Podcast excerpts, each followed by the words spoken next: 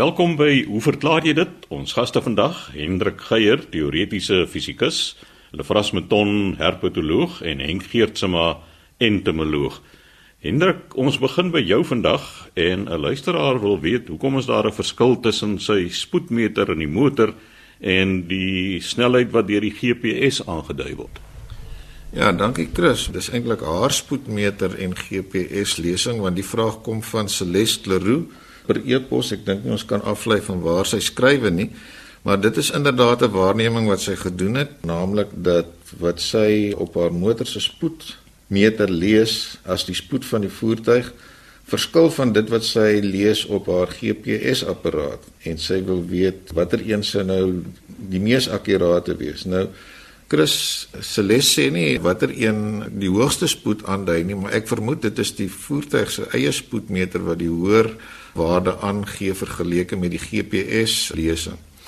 So wat kan 'n mens hieroor sê? Eers moet 'n mens daar net vra met watter inligting werk elkeen van hierdie twee stelsels? Nou GPS, sover ek kan agterkom, is die tipiese apparate veral die wat in voertuie gebruik word en daar is van die goed wat al op selfone natuurlik beskikbaar is maar hulle maak aanspraak op 'n akkuraatheid van omtrent tussen 5 en 10 meter horisontaal gemeet. Lyk my die vertikale posisie is effens meer onseker, maar vir ons doeleindes kan ons maar op die horisontaal fokus.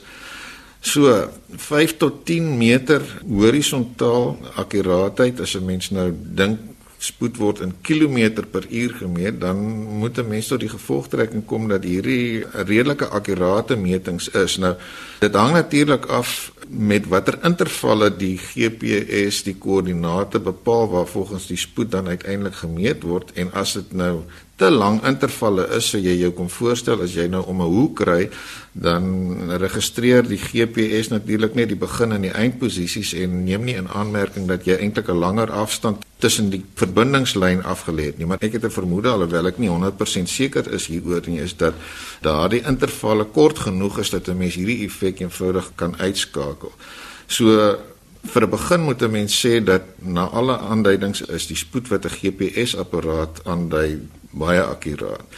Daar is van hierdie vervaardigers wat so ver gaan om hulle produkte bekend te stel dat hulle akkuraatheid van omtrent 0.2 km/h het. Aan die ander kant as 'n mens vra hoe word 'n gewone voertuigspoedmeter se spoed gemeet, dan is dit in die eerste plek natuurlik 'n meting van uh, eh, aantal omwentelinge van die voertuig se band en dit word dan uiteindelik vertaal in 'n spoed wat natuurlik verband hou met die omtrek van 'n band.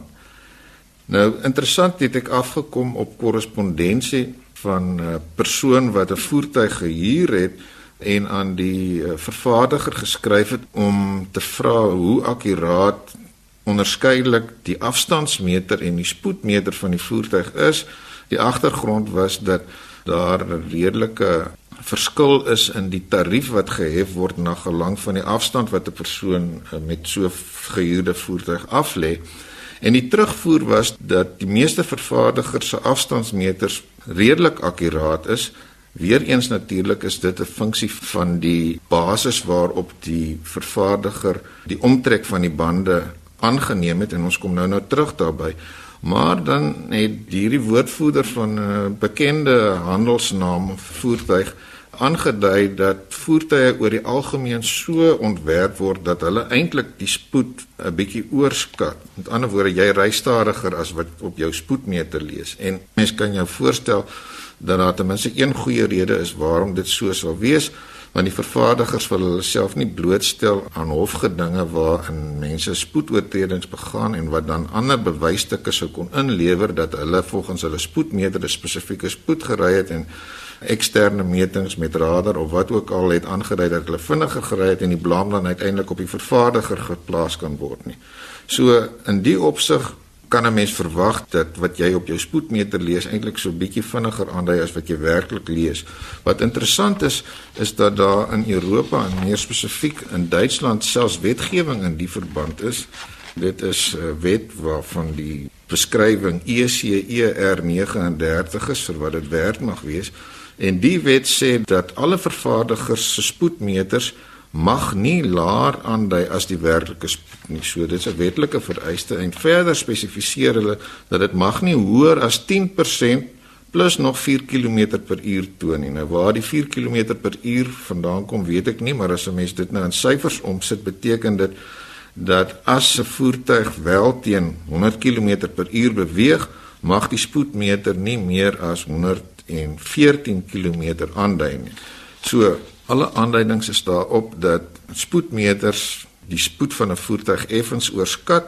En nou moet 'n mens miskien nog vra tot watter mate dit nie net 'n uh, kalibrasie is van die vervaardiger nie maar ook 'n effek van die feit dat bande se omtrek met verweer met drukverskil kan verander en in uiterste gevalle gebruik mense soms vellings en bandgroottes wat nie die oorspronklike vervaardiger se standaard keuses was nie in watter geval beide die afstandmeter en die spoedmeter natuurlik verkeerde lesings sou gee. Maar as 'n mens nou gaan kyk na 'n tipiese band en ek weet nou nie hoe vertroud luisteraars met die inligting is wat jy op 'n band se wand lees nie. Byvoorbeeld as jy daar lees 205-45 R17, dan verwys die eerste syfer na die wyte van die band in millimeter.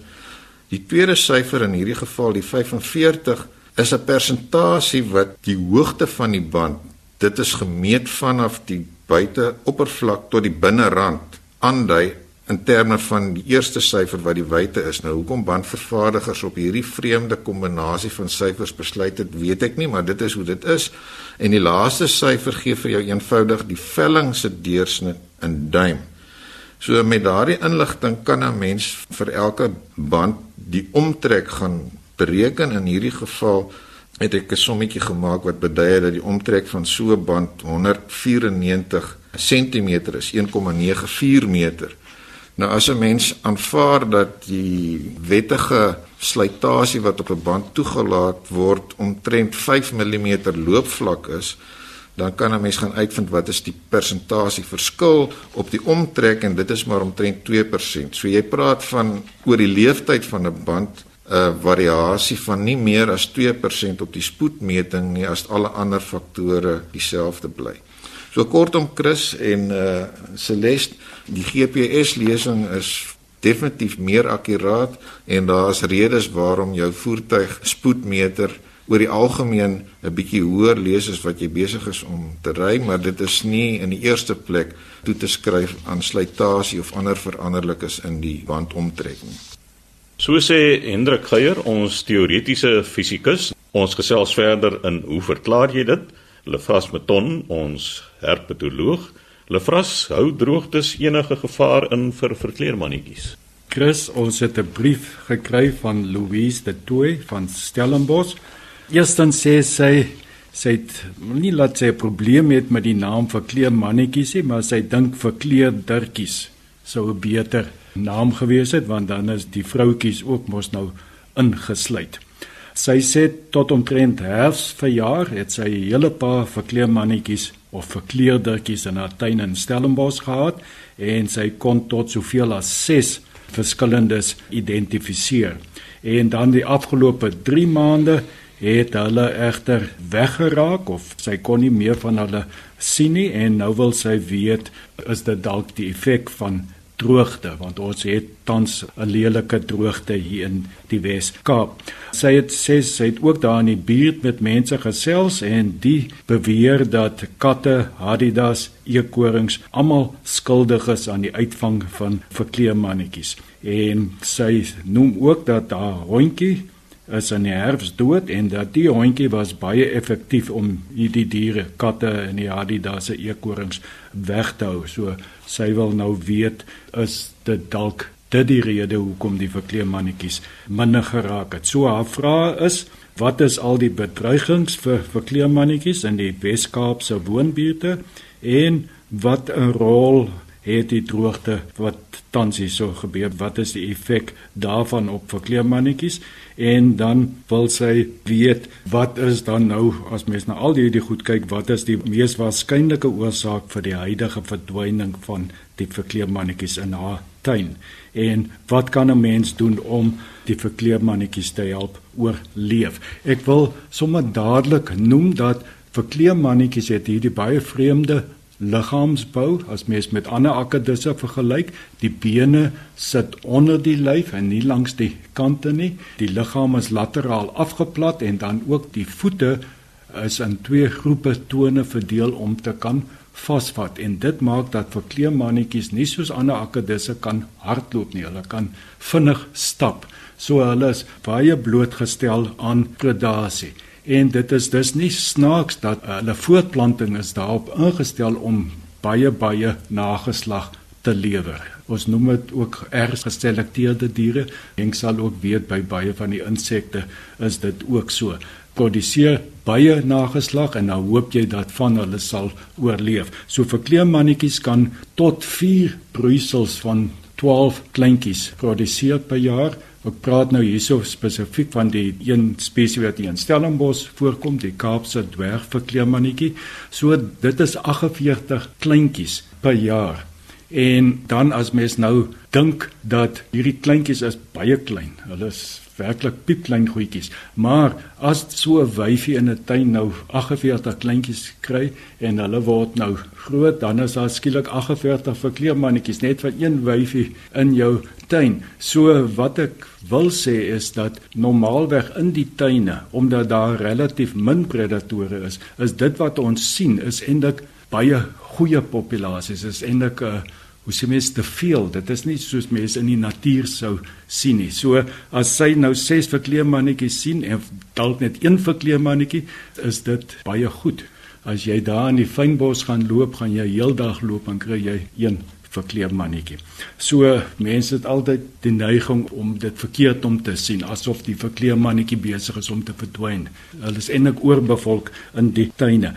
Net so oor die predasie in tuine Ons moet nou onthou slange en baie van die voëls kom nie in die tuine voor nie en honde, katte, hadidas, eekorings, dit is nie werklike predatore nie van verkleemmannetjies. Die verkleemmannetjies sit 90% van die tyd in die plante waar 'n hond en 'n kat en hadida eekorings hulle nie gaan bykom nie want hulle sit in hierdie fynere struike en katte is meestal in die nag aktief en dan slaap die verkleemmannetjies. Wanneer hierdie predatore wel 'n rol kan speel is wanneer verkleemmannetjies van een plant na ander beweeg oor die grond. En soos ek sê, dit is 'n relatief kort tydjie wat hulle dan blootgestel word, maar die grootste deel sit hulle buite bereik van hierdie predatore. So Wat sou dan die oorsaak wees? Hoekom die verkleermannetjies dalk nou minder word in 'n tuin? Ons moet nou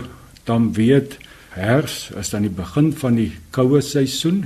Die son is nou al laer op die horison, daar's minder sonlig en die verkleermannetjies sal dus minder aktief wees of hulle sal skuif na 'n plek waar daar meer sonlig is. En ek dink dit is een van die hoofoorsake waarom verkleemmannetjies baie keer minder word in tuine is dat die tuine word net te dig, die bome raak te groot, daar's te veel skade weer en daar is te min van die regte plante.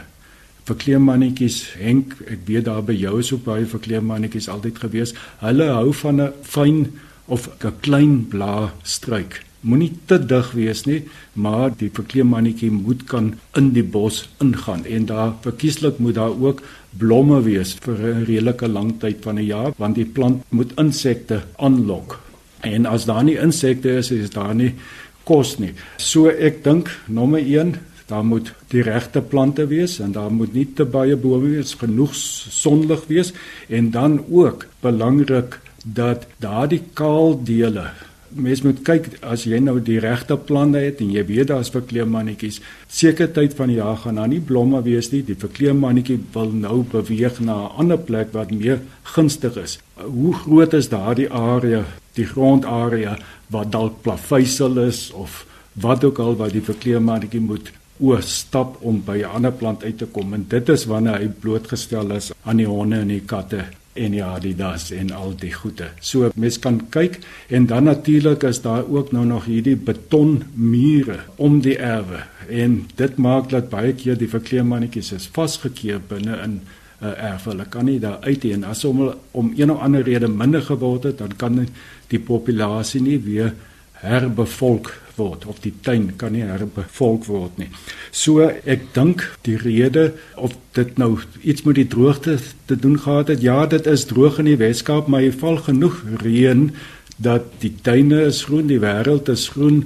Ek weet nie Henk, jy kan nou net vir my sê watter effek het dit op die kos, maar uit 'n wateroogpunt vir die verkleemannetjies is die droogte nie 'n probleem nie. Verkleemannetjies drink nie baie water nie want hulle het nie water nodig om van hulle stikstofafvalprodukte ontslae te raak. So hulle het relatief min water nodig. Dit gaan maar oor die kos. Ja, ek dink die droogte 'n effek op insekte. Ek kyk baie keer na die insekte in my tuin en ek vind daar's eintlik baie minder hierdie seisoen. En die insekte is min waar uit hulle vog kan uittrek. So ek dink hulle daar is 'n effek op die diere met hierdie droogte. Dink dit water, dit sal veral in die somermaande sal dit definitief gaan hulle as jy nou nat spuit, maar in die winter hier's nog genoeg reën. Alles het nou net 'n paar druppels, dit is al wat hulle nodig het. Maar ek dink die kos, dit klink vir my na 'n goeie verklaring. Ja. Ek wil net afsluit. Sy het ook dan nog 'n vraag gestuur en net gevra hoekom het sy nog nooit 'n verkleemannetjie in fynbos gesien nie? Daar is verkleemannetjies in die fynbos, ook in renosteveld en hulle lyk redelik anders in vorm. Hulle is baie kleiner ook ook nie daardie helder kleure as hierdie tuin vorm nie.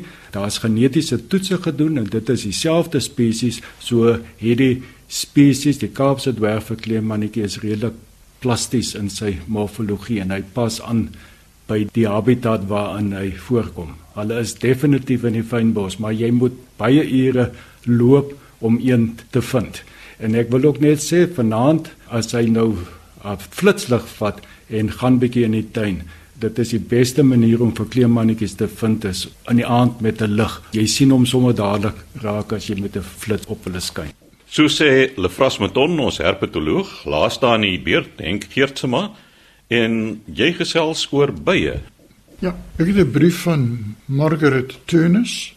Sy het 'n vragie. Sy sê sy bly op 'n plaas en nou die bye in die boorgat ingetrek. Hoe raak ons ontslaaf van die bye? Nou ja, In die eerste plek bye in die winter soek skuilings. Daar's verminderde aktiwiteit in 'n byekorf of 'n byenes en natuurlik soos die luisteraar sê, die bye het in die boorgat ingetrek. Nou die verstoring is eintlik wat 'n mens nodig het. So die verstoring mag hulle uitjaag. Maar die ding is met die uitjaag moet 'n mens net oppas dat hulle nie heeltemal te kere gaan en mense en dier aanval nie.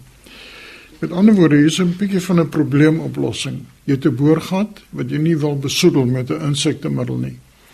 Nou, hoe maak ek dit so onvriendelik moontlik vir die bye sonder om hulle dood te maak, want 'n mens wil nie bye onnodig doodmaak nie. En terselfdertyd so min as moontlik ongerief vir die mens self te veroorsaak. Nou het ek 'n bietjie gedink, as ek nou 'n boorgat in my tuin het en daar trek 'n klomp bye in, hoe sou ek daarvan ontslaa raak? Vir my is die heel maklikste sou wees om 'n lap te vat, drink dit in terpentyn en sak dit af in die boorgat naby die bye. Bye hou glad nie van terpentyn nie. Enige wesp in die waarheid hou nie daarvan nie en hulle sal wegtrek. Ons sal nie verder af in die boorgat afgaan nie, want hulle het seker lig nodig om te orienteer. So ek sou dit probeer. 'n Gewone lap gedrink in parafin ook en laat sak dit in die boorgat en dan kan jy waar word die bye gaan nie lank daar bly nie. Mens kry baie kere bye wat in spoumure intrek van huise deur die luggate en so aan. Net deur 'n bietjie terpentyn daarin te spuit, trek hulle weer gou uit. Hulle hou glad nie van terpentyn nie. Dan die tweede vraag wat ek het, ook oor bye, kom van Sari Willemse. En sy sê produseer bye honing van rooibos. As 'n plant 'n blom het, word dit besoek deur 'n by. En die ding is, daar is natuurlik bye wat op rooibos sal bestuif, want rooibos vorm saad. En die saad word gewoonlik gevorm deur insekbestuiving. So behalwe die bye sal daar ook ander insekte wees. So daar kan op rooibos honing geproduseer word. Wat nou interessant is, sy skryf hier van die Cederberg af. Nou as jy mens bietjie noord gaan in 'n Makwaland in, dan kry mense 'n ander plant, kruikie roermenie, Melianthus genus. Nou, die plant is eintlik giftig. Maar hulle blomme wat baie baie aantreklik is vir insekte, insluitende bye, suikerbekkies en so, want ek het van die plante in my tuin. As hulle honing daarvan maak, kan 'n mens nie die honing gebruik nie, want die honing is giftig. So mense moet baie versigtig wees waar die honing vandaan kom. Maar rooibos honing is goed vir die mens, net soos rooibos tee. Gaan hierdie rooibos geur dalk aan die heuning wees want dit is nou die blom teenoor die stingels is mos nou verskillende goed. Definitief. Kyk jou jou beste honing is eintlik sitrushoning. En jy kan die sitrus kan jy eintlik proe in die honing. Mens kry baie keer honing wat van uit die fynbos uitkom. Uit so 'n bietjie van 'n bossie smaak partykeer. So die honing wat geproduseer word deur bye is definitief 'n weerspieëling van die nektar wat hulle versamel het. Dan nog 'n vraagie oor bye.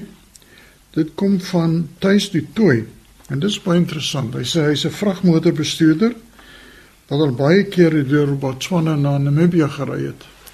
Daar seker tye van die jaar baie skoenlappers. Hulle vlieg by jou trok se venster in en vlieg in die kajuit rond en weer uit met hulle groot vlerke. Maar as 'n honingby of 'n ander gogga invlieg, dan hulle se dood of bewusteloos. Nou wat is die probleem? Hoekom gaan die bye dood of raak bewusteloos? Nou, die skoenlappers oriënteer hulle self terwyl hulle vlieg op die son. Met ander woorde, hulle beweeg in 'n sekere rigting in word baie kere gestuur deur die wind. So as hulle geskep word deur die vragmotor en hulle in 'n sekere rigting beweeg, sal hulle rondwaddel in die kajuit, weer uitvlieg, weer heroriënteer op die son en verder vlieg. So dis nie 'n probleem wat as jy 'n skoenlapper is nie. Maar die honingby, wanneer die honingby beweeg in die veld, is dit geprogrammeer in die korf of in die nes om in 'n sekere rigting te beweeg. Met ander woorde, met die sonoriëntasie in die gedagte van die honingby. As dit nou in die vragmotor se kajuit inkom, ry die vragmotor verder. En as die by nou uit die kajuit se uitkom, is die by gedisoriënteer. En dieselfde gebeur nou deur die venster kom die lig van die son. Die vragmotor ry verder, die by raak gedisoriënteer en begin rondvlieg in die kajuit self.